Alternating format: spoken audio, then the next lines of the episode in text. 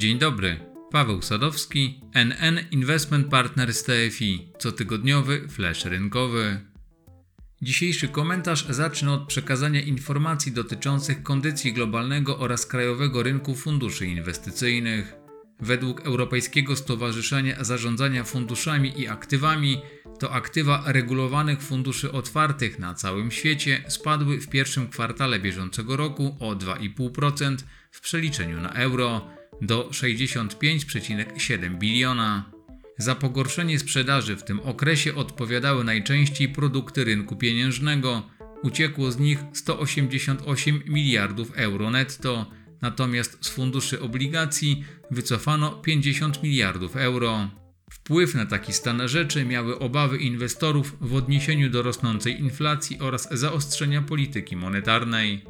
Po drugiej stronie znalazły się fundusze akcji oraz mieszane, do których napłynęło odpowiednio 185 oraz 90 miliardów euro netto.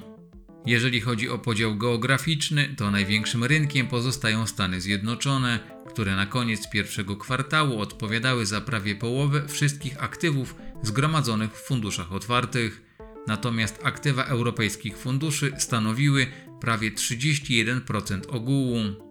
Jeżeli chodzi o podział na kategorie produktów, to za niecałą połowę aktywów funduszy odpowiadały portfele akcji. Jak na tym tle prezentują się krajowe statystyki. Na koniec pierwszego kwartału fundusze akcji miały niespełna 12% udział. Liderem, wyłączając fundusze aktywów niepublicznych, pozostawały ciągle szeroko pojęte produkty dłużne z niemal 31% partycypacją. Należy jednak nadmienić, że jeszcze rok temu odpowiadały za ponad 40% ogółu.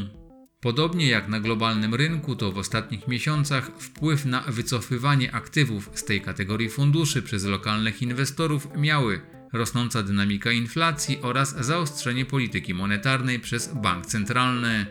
Mieszanka tych dwóch czynników już od dłuższego czasu wpływała negatywnie na wycenę papierów dłużnych znajdujących się w portfelach tych produktów.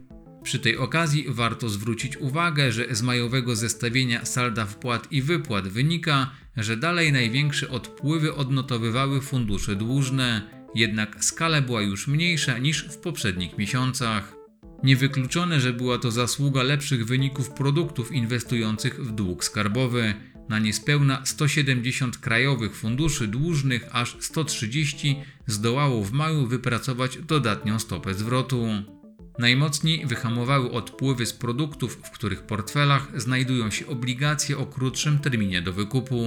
To te rozwiązania mają szansę na generowanie lepszych stóp zwrotu w kolejnych miesiącach, oczywiście pod warunkiem ustabilizowania cen na rynku polskich instrumentów dłużnych.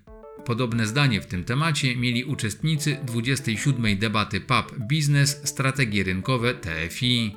Ich konkluzja jest następująca. Wobec dostosowania wycen głównych klas aktywów na światowych rynkach w ostatnich miesiącach najatrakcyjniej wyglądają obligacje skarbowe, zwłaszcza krótkoterminowe.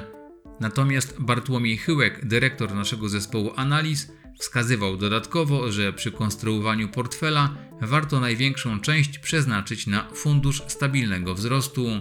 Powiedział on m.in., że jeśli mówimy o horyzoncie inwestycyjnym do końca roku, to podtrzymałbym alokację w postaci sporej części portfela 60-70% z krótszym duration niż dłuższym funduszu stabilnego wzrostu z efektywną ekspozycją na rynki akcji między 15 a 20%, 10% ekspozycji na surowce, a to co zostanie to na obligacje krótkoterminowe.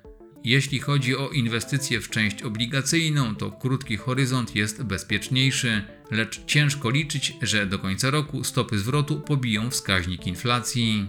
Jeżeli chodzi o wspomnianą ekspozycję na surowce, to uczestnicy debaty PAP mieli trudny inwestycyjny orzech do zgryzienia w temacie prognoz dotyczących zachowania cen towarów w przyszłości.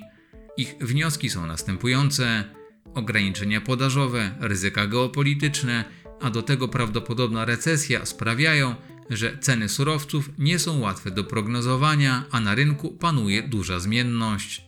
Uznali także, że polską gospodarkę czeka spowolnienie wywołane przez podwyżki stóp procentowych, a giełda pozostanie w bezsie, która może zakończyć się w przyszłym roku. Wyceny niektórych spółek obecnie wydają się atrakcyjne, inwestorzy mogą nadal omijać akcje banków, relatywnie tanie wydają się spółki surowcowe.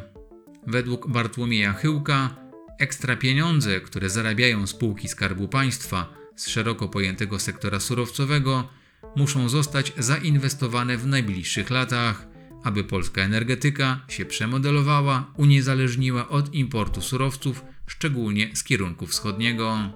Zauważył on także, że ceny akcji krajowych banków zachowują się inaczej niż raportowane wyniki sektorowe i inwestorzy mogą nadal omijać ten sektor. Uargumentował to w następujący sposób. Jest duża obawa inwestorów co do wysokości wzrostu wolumenów oraz kosztów ryzyka kredytowego w średnim terminie.